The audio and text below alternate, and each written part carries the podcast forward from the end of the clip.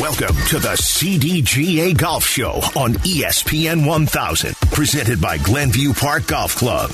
Now, here's your host, Tyler Aki, and editor of Chicago District Golf Magazine, Barry Cronin.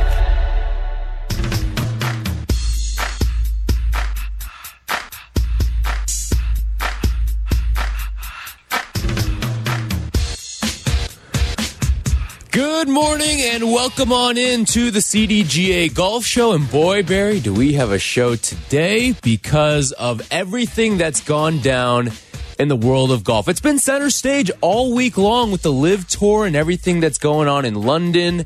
It has been quite the week for golf, and we're going to discuss it with you here on the CDGA Golf Show. If you want to hop on in as well, 312 332 3776. Have you watched any of the LIV Golf? What do you make of this new rival tour to the, P, uh, to the PGA? 312 332 3776. Barry, good morning, and what a week it has been for golf. I mean, we really haven't seen anything like this, especially from an off the course standpoint in the sport, really in most sports, in quite some time. Well, you're right, and it finally happened. Uh, rumored, controversial Saudi backed tour finally had its first tournament in London. Fi finished yesterday. The victor was Charles Schwartzel. Uh, he's 37 years old, ranked 126th in the world. He did win the Masters in 2011 uh, from from the front, actually. Um, he won a 48 man, 54 hole, no cut tournament. He shot seven under par. He uh, and he was a member of a team of other South African dudes called the Stingers, uh, Mm-hmm. which I, I think uh, I think my kids' uh, grade school team was. They had, they had five teams named the, named the Stingers and the and the uh, Crushers and the uh, uh, the Majestics and some of those others. He won four million bucks for the individual title, seven hundred and fifty thousand for the team win. So he took in almost five million dollars, four point seven five million, and uh, that's about one fourth as much as he's made on the PGA Tour in his career. So um, it's crazy. He beat he won by one stroke. He beat a guy named uh, Hennie Dupla- du Plessis, which I my French is not awesome, but maybe someday. And uh, he beat Peter Uihlein and Branden Grace. Uh, Peter Uihlein's down somewhere in the 300s on the world ranking, and Branden Grace is about 123rd or whatever. Uh, DJ, our buddy, finished 13th. Uh, we had nine players at even par or or better. So, you know, eight guys shot under uh, shot under par.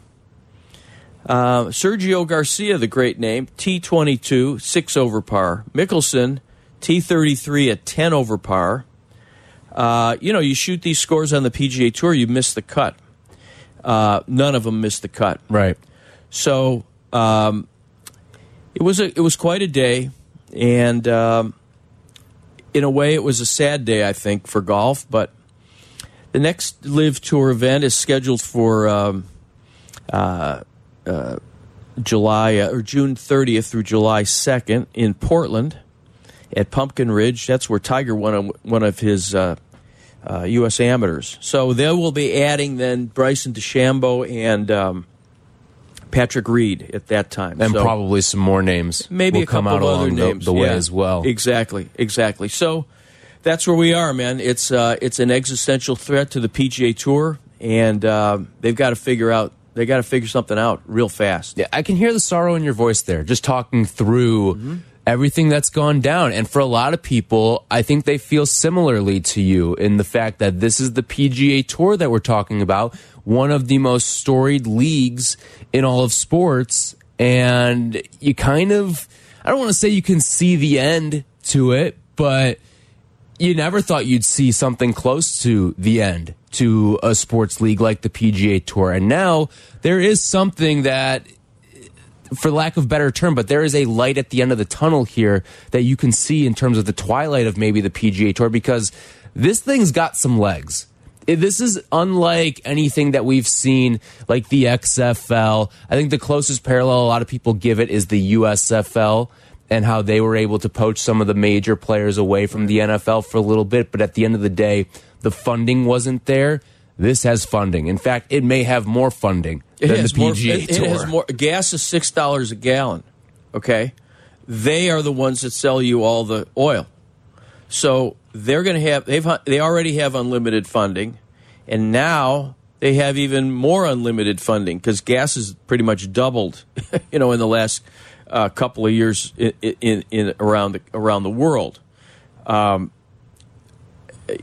you know, uh, the the business models are totally different. Uh, really, the uh, the LIV tour has no business model. The LIV tour is okay. We've got a, a whole bunch of money, unlimited money, and the PGA Tour it's it's an actual business, Right. Right.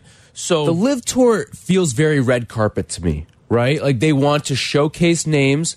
They don't necessarily care as much about the product that they are putting out. They're just trying to steal names away. And I think they want to make it a breeding ground. Eventually, their hopes is that they will be the premier tour. And there's probably some legs to that actually happening. But right now, it feels very red carpet. Like, I think the average golf fan, I was having this conversation with Chris Black, who works with us here at ESPN 1000, and he brought up a great point. It was how many golf shots did you see of the LIV Tour this week? The average golfing fan, how many golf shots did you see of the LIV Tour? Probably not many. I mean, I don't think a lot of people even saw the final putt that Charles Schwartzel had No. to win the LIV Tour. No. But it's been in conversation, but how many people actually consumed the product? Well, if you look at it, um, it was in London, so I mean, I had it on my computer watching it just as a as a professional, you know, because I have to do this show and because I'm working for a living, right, in the golf industry. Um, would I have seen it otherwise? Would people have tuned in? Um, I don't know. Um, it's uh, it. Uh, for the United for Americans, I think I said this last week. You know, it's kind of like the British Open. By the time you wake up on Sunday morning and tune into the British Open, oh, it's over. Right. you know, really. So I think there was some of that this this week. Um, you could watch the event on YouTube or on uh, the LiveTour.com or whatever it was, LIVGolf.com. So, and it looked it looked to me like it looked like a European tour event, right? I mean, th- there were a few more people out there. I heard they gave away tickets. Um, so uh, they, the, I, I also read following Alan Shipnuck, who we had on the show. Uh, Alan got thrown out of a press saw that, conference, by the way. Um, but he also put in there on his Twitter that hey, the food here is really good. I haven't had this good a Spanish paella for in a long time. Right? They have unlimited money. After every um, after every uh, round of golf, they had a concert. So they had a shotgun start. Everybody starts and finishes at the same time, which is kind of bizarre. And then they had the concerts. So if you're a regular PGA Tour event, you the way that the PGA Tour operates is well, you got to find a sponsor to put up the purse, um, preferably a corporate sponsor because then they they're, they're on TV. There's this whole thing, and then uh, there's a rights fee. So you as an as a tournament to to go out and get hundred thousand dollars or two hundred thousand dollars to do a concert is a lot of money, obviously, and then you have to try to pay for it. You have to charge people more money to come in. They don't have to worry about that stuff, so they can do it whatever they want. And um, you know, the the tour is the tour is in a in a very tough position because it may find itself. You think about it and you go, well, it could become the breeding ground the way the Corn Ferry Tour is for the PGA Tour, the PGA Tour could become the breeding ground for the LIV Series.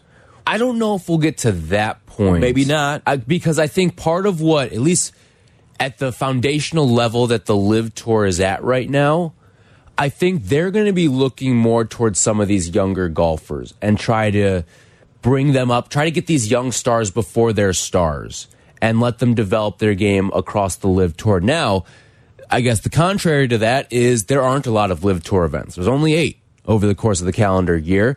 So, and I'd imagine so far. that right. So I'd far. imagine that number increases year by year by year. Right. But for now, I, I if you're a young golfer and you're trying to scratch and claw your way through to make it to the PGA Tour, why would you go to the Corn Ferry Tour as opposed to going Well- to LIV where you're going to start and you're going to make 125 grand just for showing up and playing in an event? Well, because they don't want that. That's not their model, right? Norman's model, Greg Norman, who's the commissioner of the tour, came up with a world tour idea long ago. That's why we have World Golf Championships, because Tim Finchem, who was then the PGA Tour commissioner, took Norman's idea and implemented it into the PGA Tour. Um, uh, and that's why Norman is so bitter and so uh, is so resentful about the PGA Tour. He envisioned a world tour with the, that brings the top players uh, in golf together more often than what because the complaint was back in the day 20 years ago uh, the PGA Tour and the European Tour was they were both strong. Now the European Tour is pretty much not strong. So the, Norman say, look, we are only getting our, our top players in the in the world together at the four majors. We should be able to do this more often. So he proposed a world tour, and he had he had financial backing from uh, I, I don't, can't remember who, but he had a lot of money behind him. Tim Finchem viewed that as a threat to the PGA Tour, and he started the World Golf Championships. So which and there's four of them, and then you've got the FedEx Cup players, so playoffs. So you're getting events where uh, the top players in the world are are getting together more often. So, but that's what that's what Norman wants. I mean, what you're saying is that what the uh, the LIV Tour should do is what the American Football League did uh, back in the late '60s, which is, as a friend of mine told me, they stood under the goalposts at the Gator Bowl and they signed guys out of college, right? Yeah. So the big thing back in the day was. Well, the New York Jets signed Joe Namath and they gave him four hundred thousand dollars, which was like you know, giving 125 million to Dustin Johnson, right? Um, so, yeah, they could do that. They could do that. Grab these hot stars out of college, nobody knows. So, for example, who won the Haskins Award this year? Who's the top uh, collegiate golfer? Do you have any idea? I do not. no. Okay, his name is Chris Gotterup from Oklahoma. He was Big Ten uh, Player of the Year uh, when he played for Rutgers a few years ago. He transferred out, 50 year senior. So do they want him? No, because you don't know. People don't know who he is, right? They have no idea. James Piot, right? He's in the field. Went to Michigan State. Won the U.S. Amateur. So word is he got six million dollars to go on to this tour. Do we know who he is? No. Do you know who any of these? There's guys from Thailand who you know, uh, no idea who they are. You know, you've got some guys from the from the uh, European tour who I'm sure. Do you know who uh, Wayne Ormsby is? A lot of people Ever- don't. Ever heard of him? I mean, you, you hear of him if you if you wake up in the morning and get sick of watching the news, you flip on the Golf Channel and you might see Wayne Ormsby playing in the uh, in the Austrian Open, right? So they they have a lot of people that they, they don't need more players who that they're not looking for players who are anonymous, right? Who people don't know. They're looking for the top players, and that's why they're paying so much money. Uh, to me, they've got mostly uh, has been players, mostly. Um, if you look at DJ, you know, gosh, the guy won the Masters in 2020. He was a Ryder Cup hero last year in September. He's kind of gone downhill a little bit, but he's still legit. He could go out and win a major tomorrow. Like he could go out. And he could. He could be. He could. He could. His game's fallen off a little bit.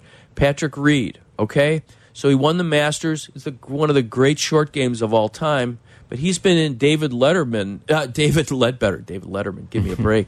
David Leadbetter school for the last couple of years, trying to figure out how to hit the ball again, his long game, and he hasn't really done it. So he may be on the downside of his career and may say, "Look, you know, they're going to give me a hundred million. I'm out, right? Because I can't. I he, you know, may, maybe he looks at it and says, "Well, maybe I can't, you know, finish that high in these PGA Tour events anymore." Um, so you know, and, and that kind of money is just mind-boggling. Um, you know, so and and I think that the players, like a lot of the fans, go, "Well." they don't care where the money's coming from, right? Mm-hmm. This is a this is a this is an operation by Saudi Arabia to convince everybody that their country's not so bad. Right. It's the whole idea of, and it's been thrown around with this PGA or with this LIV Tour, but the idea of sports washing. Right. We're using sports as a shield to protect what's actually going on behind the scenes in the country. And that's something that's been brought to the forefront a to lot. elevate the status of the country, and it's been going on for almost hundred years. Right. The 1936 Olympics, yeah. Adolf mm-hmm. Hitler, he was going to have the master race was going to win the Olymp- all those Olympics, and then God bless Jesse Owens from Chicago, who won. You know, who kicked everybody's butt over there, Right. And was the great star of America and saved. You know, was a great symbol of freedom uh, in the world. So, did you watch any of the LIV Tour? 312 332 3776. Or maybe you didn't watch any of it. We'd love to know your thoughts. Why? 312 332 3776. When we come back, we're going to hear from a number of PGA Tour players talking about what went on with the LIV Tour and playing in the RBC Canadian Open amid what's going on across the pond. All that's coming up next. It's the CDGA Golf Show on ESPN 1000. How's your golf game? Yeah, mine too, but more on that later. It's time for more golf talk on the CDGA Golf Show, your guide to golf around the world and in your neighborhood. The CDGA Golf Show on E ESPN 1000 Here are your hosts, Barry Cronin and Tyler Rocky. Schwartzel to end in style. Not this time, but a little tap in for Charles Schwartzel. The 2011 Masters champion is our inaugural LIV Golf winner. Here at Centurion, $4 million for Charles Schwartzel, who has been magnificent here in Hertfordshire. The Stingers have won the team title as well, so you can add another three quarters of a million on top of that. What a moment for Charles Schwartzel, LIV golf winner of the London Invitational. That was the final call. You could watch it on YouTube. Maybe you didn't watch it. I don't know how many people actually watched. I'd love to see. I haven't seen the final numbers of the the cumulative audience that the LIV Golf Tour watched. But that's Charles Schwartzel. His victory out in London as he becomes the winner of the inaugural LIV tournament. And Such joy, such joy, such elation. a nice little tap in to, to secure the victory. Well, he just he just ba- basically hacked it up the 18th fairway. I mean, he he won Did by what Mito one. should have done. He had yeah. Well, that's right. He uh, yeah he teed off with an iron and he still hacked it around. So yeah, so he won by one stroke over the great uh, Hennie du Plessis or whatever his name is, and. Uh, um, I, I, he, he was interviewed afterward, and he was almost in shock a little bit, and you you couldn't say that he was like super happy, like that he won. He said he was relieved that he won, that he didn't blow it, basically. Um, but uh, uh, you know, I don't know. Maybe it was me interpreting his not being so uh, overjoyed and happy, but maybe a little bit embarrassed by by this whole this whole thing. So you look through the earnings for Charles Schwartzel from a career standpoint. Over the course of his career, he has made just north of twenty million dollars so far on the PGA Tour.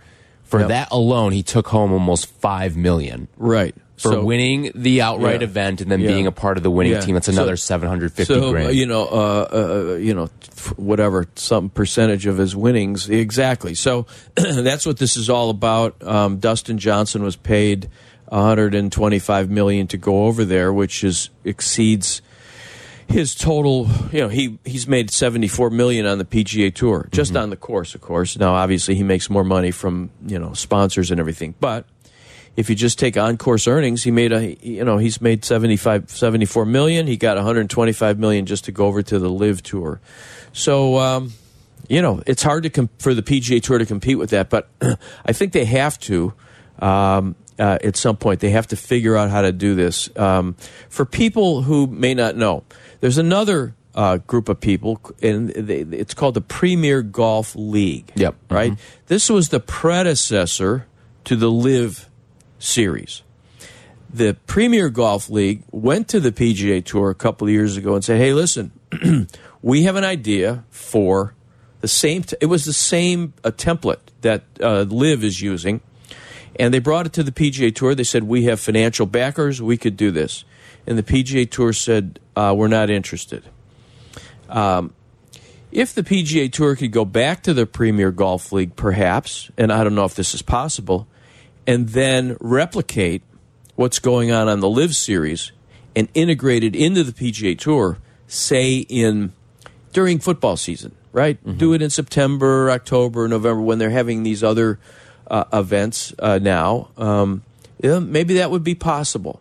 It would be it would be a way you have to match the market, right? We can sit here and say hey, players, um, if you go over there and take 125 million or however much money you're going to get playing these events, uh, you're taking blood money. You're you're taking money from for uh, that's being used for the purpose of uh, sports washing and improving the image of Saudi Arabia, whatever. Uh, and they go, yeah, great, but I'm a golfer, and people are people have the ability to compartmentalize and say, look, this is unbelievable money. I can't not take this. Everybody has a price, mm -hmm. as Justin Thomas said the other day, yeah. which was a little bit scary.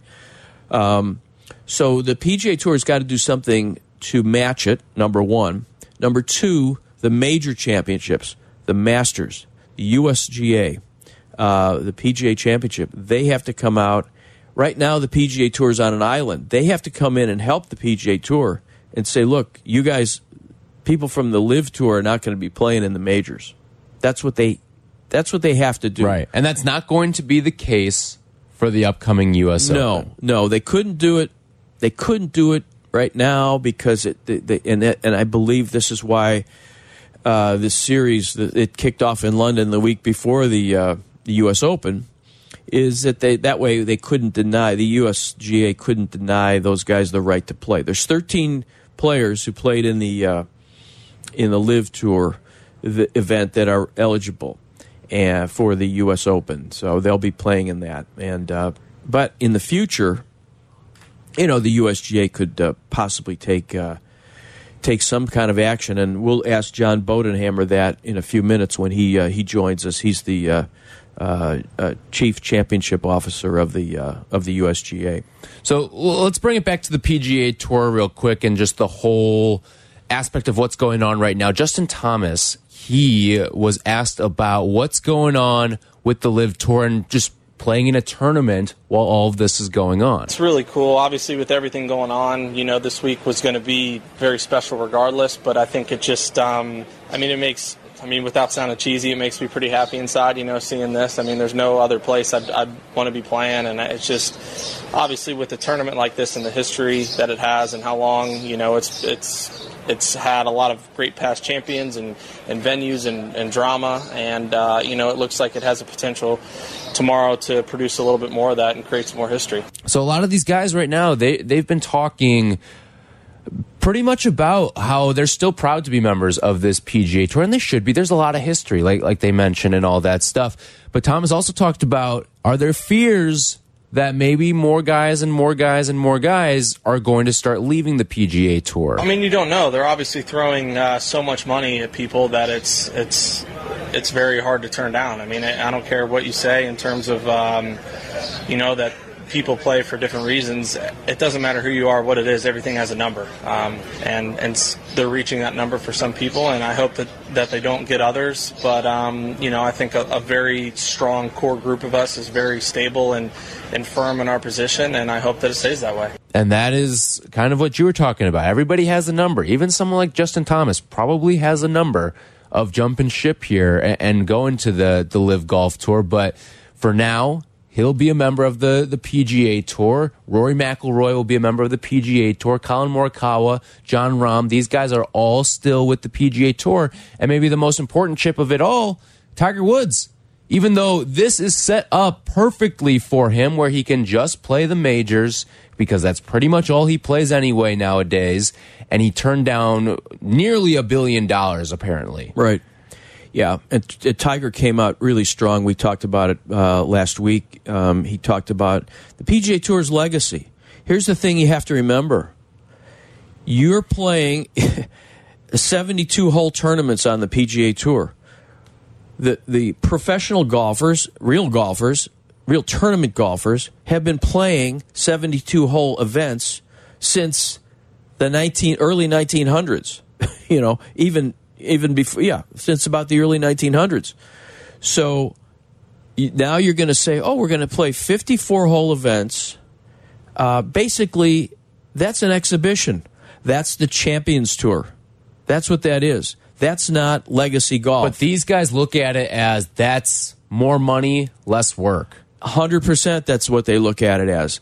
And if you're Pat Perez, who's made, I can't remember how much he's made on the PGA Tour over the years, you're 46 years old. You can't compete with Justin Thomas and Rory McIlroy and the and uh, uh, and Tony Finau, who by the way are at the top of the leaderboard at the at the RBC it's Canadian. Or it's a great leader. Sam Burns is in there. Alex Smalley, Wyndham Clark. So they he can't compete with those guys. Um, so he's like, hey, I'm out. I'm out. I'm going to take the money and run, and I'm going to go play. It's it's basically for him, for people like West Lee Westwood, Sergio Garcia, Ian Poulter, guys like that. They're in their 40s. They cannot compete with these young studs coming up. And uh, that's why they left. They took the money and they left. The senior tour doesn't start till they're 50. All right, when we come back, we're going to talk to John Bodenhamer, the Chief Championships Officer of the USGA. We'll pick his brain on what's happening out at Brookline next week. This segment is sponsored by PGA Tour Superstore. Visit any of our three Chicagoland locations today. Welcome into the CDGA Golf Show on ESPN 1000, presented by Glenview Park Golf Club. Here's your hosts, Barry Cronin and Tyler Rocky.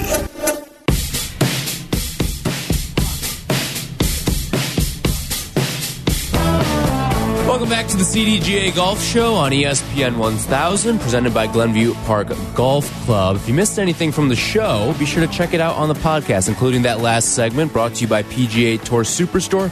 Visit any of our three Chicagoland locations today. Let's head on out to the Jersey Mike's hotline where we find John Bodenhamer, Chief Championships Officer of the USGA. Good morning, John, and thanks so much for joining us today. Morning, Barry. Good morning, Tyler. Thanks for having me. I've always been a great admirer of the work of this CDGA, so it's great to be with you. Well, thanks so much, John. And boy, uh, we're going to have. Uh, we've been talking a lot about uh, uh non-golf things, or uh, really, and now it's going to be so great to be back at the Country Club. Um, 1913, Francis Ouimet wins. We remember back in 1988 when you know, remember when Nick Faldo was not just a happy guy and Curtis Strange just wasn't on Instagram and doing stuff, and then they were both like snarling at each other during the during their uh, playoff uh, back at the country club. Two feisty competitors. I was watching that uh, clip on YouTube last night. Uh, we did a little clip about Curtis, uh, my U.S. Open. It's on our website. It's really cool. He talks all about his experience here. It was it was pretty special. But you're you're right. This is an, a an amazing place for, for golf, for the game of golf, for the USGA. It's it's an honor to be back here at a founding member club of the USGA. You know, we believe at the USGA that uh, the players really want to win at those special places. This is one of them. You think about what Francis Ouimet did in 1913. Think about this. Here's a statistic I heard a few weeks ago. In 1913, and think about the population of our country uh, in the United States, 350,000 golfers. Just two years later, in 1915, there were over 2.1 million golfers. The influence that win, that Francis's win had on the game in our country was astronomical, and it's pretty cool to be back at a place where that all started. John, when you're helping to set up a course that's got the amount of history that it has, what's that rush like for you when you're such an integral part of this tournament? It's an honor. It's a privilege. It's an obligation to to uh, to get it right and respect what the architect intended. This place didn't really have an architect. Uh, members laid it out. Uh, uh, the first Scot professional, Willie Campbell, came in in the 1890s and, and blew up the six holes they built and redid nine holes. And it's just kind of evolved. And we're using a, a little bit of a new uh, routing this year. I'll, I'll mention uh, well, a particular hole in a minute. But I think for us, you know, the ghosts of the past matter. Ouimet Matters, Boros winning here against Palmer and Jacky Cupit, and then Curtis and Nick. I mean, it's so much, so much wonderful history here. And this golf course is ready uh, to go, ready to be ready, as Jason Gore would say. Uh, the weather's been good.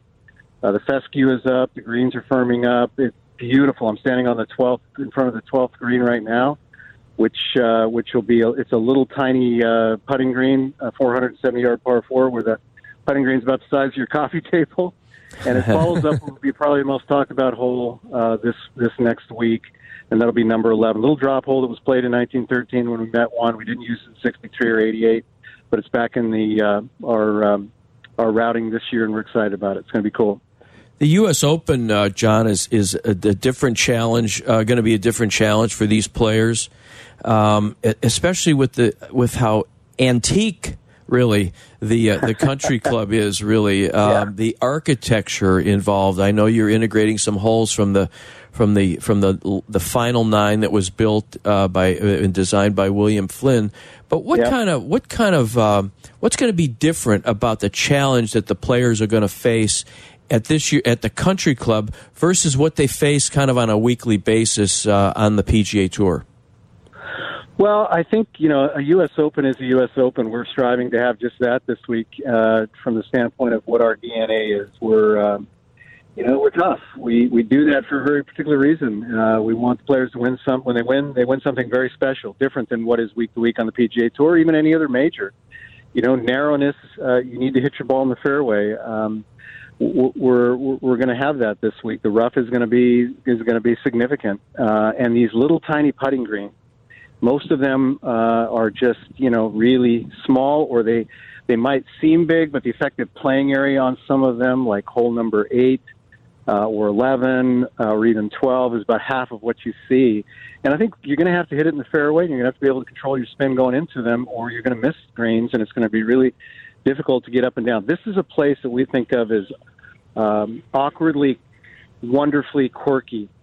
You'll see rock outcroppings that will lead players if they don't place it in the right part of the fairway with blind shots in over some of these putting stone rock outcroppings that you know they didn't they didn't move a lot of dirt in 1892 and 93. Yeah, right. It was just uh, donkeys and dynamite, and uh, you know it's almost like sand dunes in Ireland playing around some of these rock outcroppings. It's just magnificent. But it is antique, but it is going to be a U.S. Open in a traditional sense.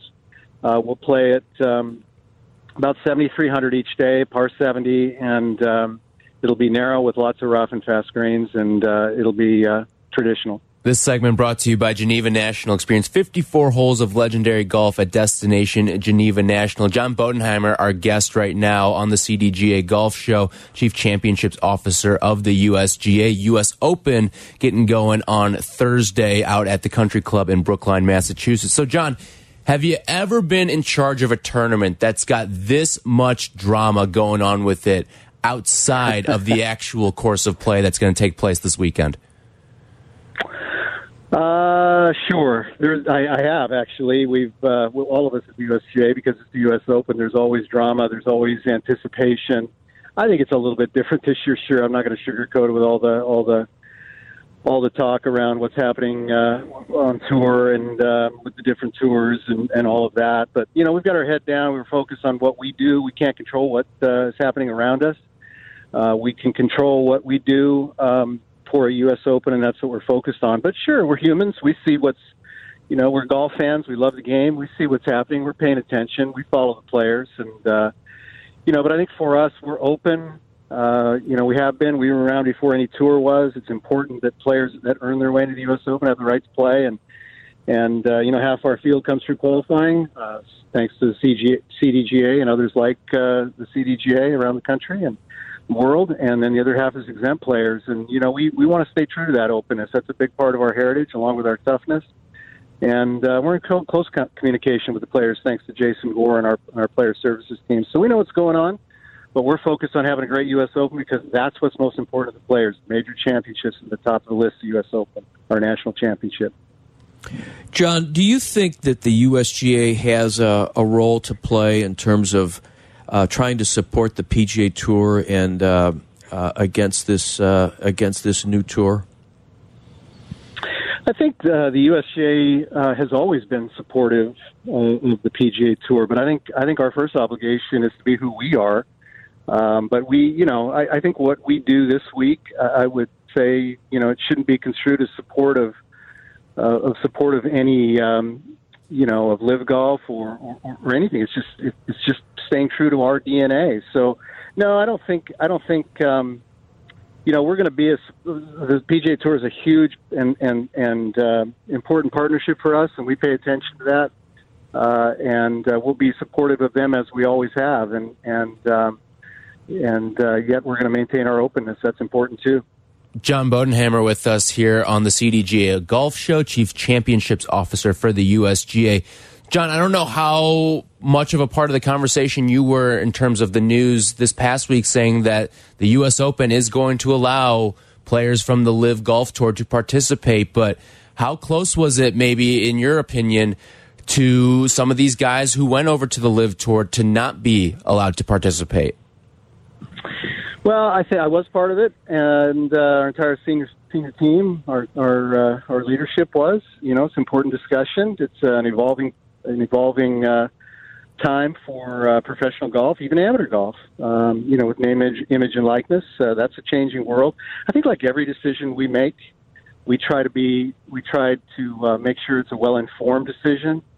Uh, we look at uh, all, all considerations, and we did with this.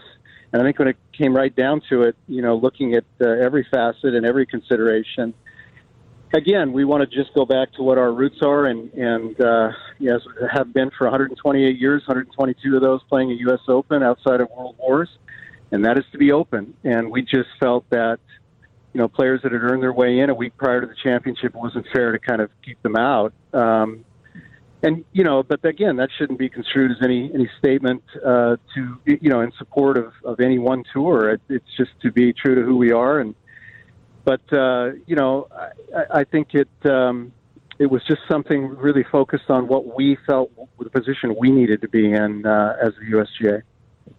Um, John, world ranking points are extremely um, important, I think, in terms of getting players to qualify for the U.S. Mm -hmm. Open. I, I, can't remember how many. Uh, I know with the Masters, it's the top 50.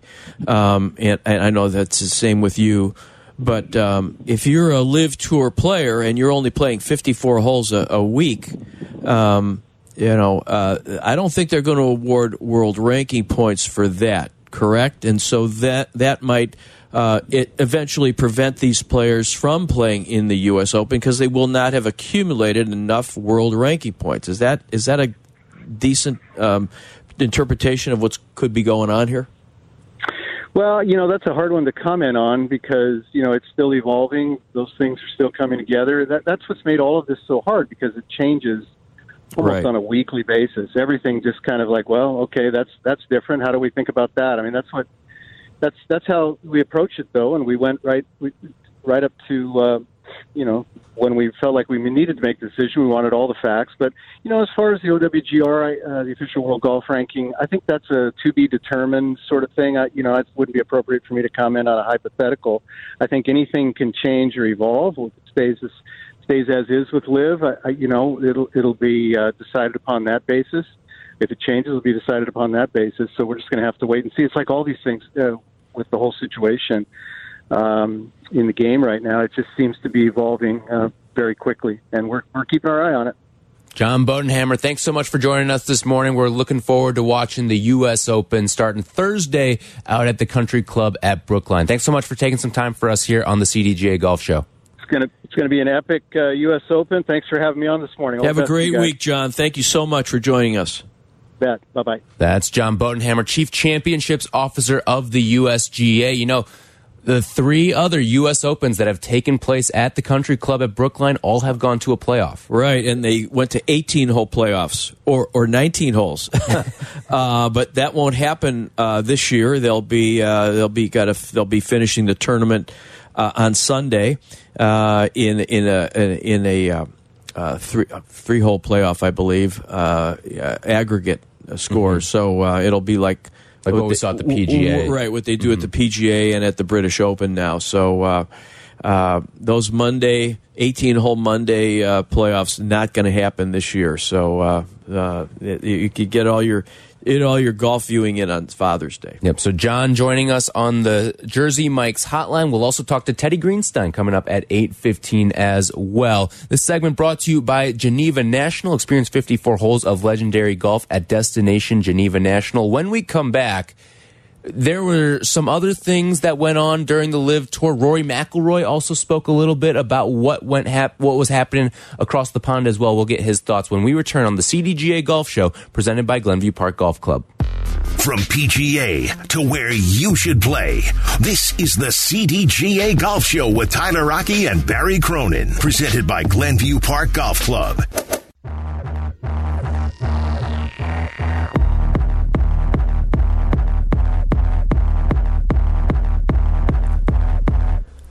The segment brought to you by Tullymore Golf Resort. Experience a Michigan masterpiece. It's the CDGA Golf Show with you every single Sunday from 7 to 9 a.m. here on ESPN 1000. Tyler Rocky and Barry Cronin. Let's kick it on out to Ontario, where the RBC Canadian Open is going on alongside the LIV Tour. Well, I shouldn't say alongside because the LIV Tour, the inaugural event is over. They're done on Saturdays now. 54 holes, they get Sunday off. You're going to hear recaps as opposed to previews of final rounds here on the CDGA Golf Show whenever the LIV Tour does play. But you look atop the leaderboard right now in uh, the RBCs, and it is a stacked leaderboard. I don't know if there's a little extra juice in these guys because of what's going on across the pond right now with LIV Golf, but you look at the top three. The PGA Tour could not ask for much more. You've got Rory McIlroy and Tony Finau in a tie for first, and then Justin Thomas currently in a four-way tie for third. Th those are the names you want. Right there, smack atop your leaderboard. You saw Finau, Thomas, and Rory all charge yesterday, all of them going at least five under. And right now, your leading score 11 under Rory and Tony Finau right now. It's a really interesting thing that these guys, they're sticking with the PGA Tour right now. And not just that, but they're going out and performing too. Right. And what's going to be great for TV viewers today is that the uh, uh, they're going to because of weather, they're going to go off early and they're going to go in threesomes. Right. Yep. Typically, a final round would be twosomes. Pairings, yep. Uh, so uh, this so today you're going to have uh, Finau, Justin Thomas, and Rory McIlroy playing together. So that'll be awesome. And then right behind him, Sam Burns is right there. Uh, he's he's he's won a lot more than Tony Finau in his brief career. Yep. He's a he's a heck of a player. Also had a very strong day yesterday as well. And then also, just for a local interest, uh, Doug Ghim is T9 right now. Doug, who's a Buffalo Grove from out of Buffalo Grove, uh, uh, he's tied for ninth. He's at six under par. And Nick Hardy of Northbrook, who uh, finished uh, second last week at the Glen Club in the Korn Ferry event, uh, coming back from injury, is tied for 19th at four under par. So, And he had a fantastic Saturday as well. He goes five under Right. on Saturday to bump him into the top 20. Yeah, and the other day I saw his name on the. Uh, they they put up a little.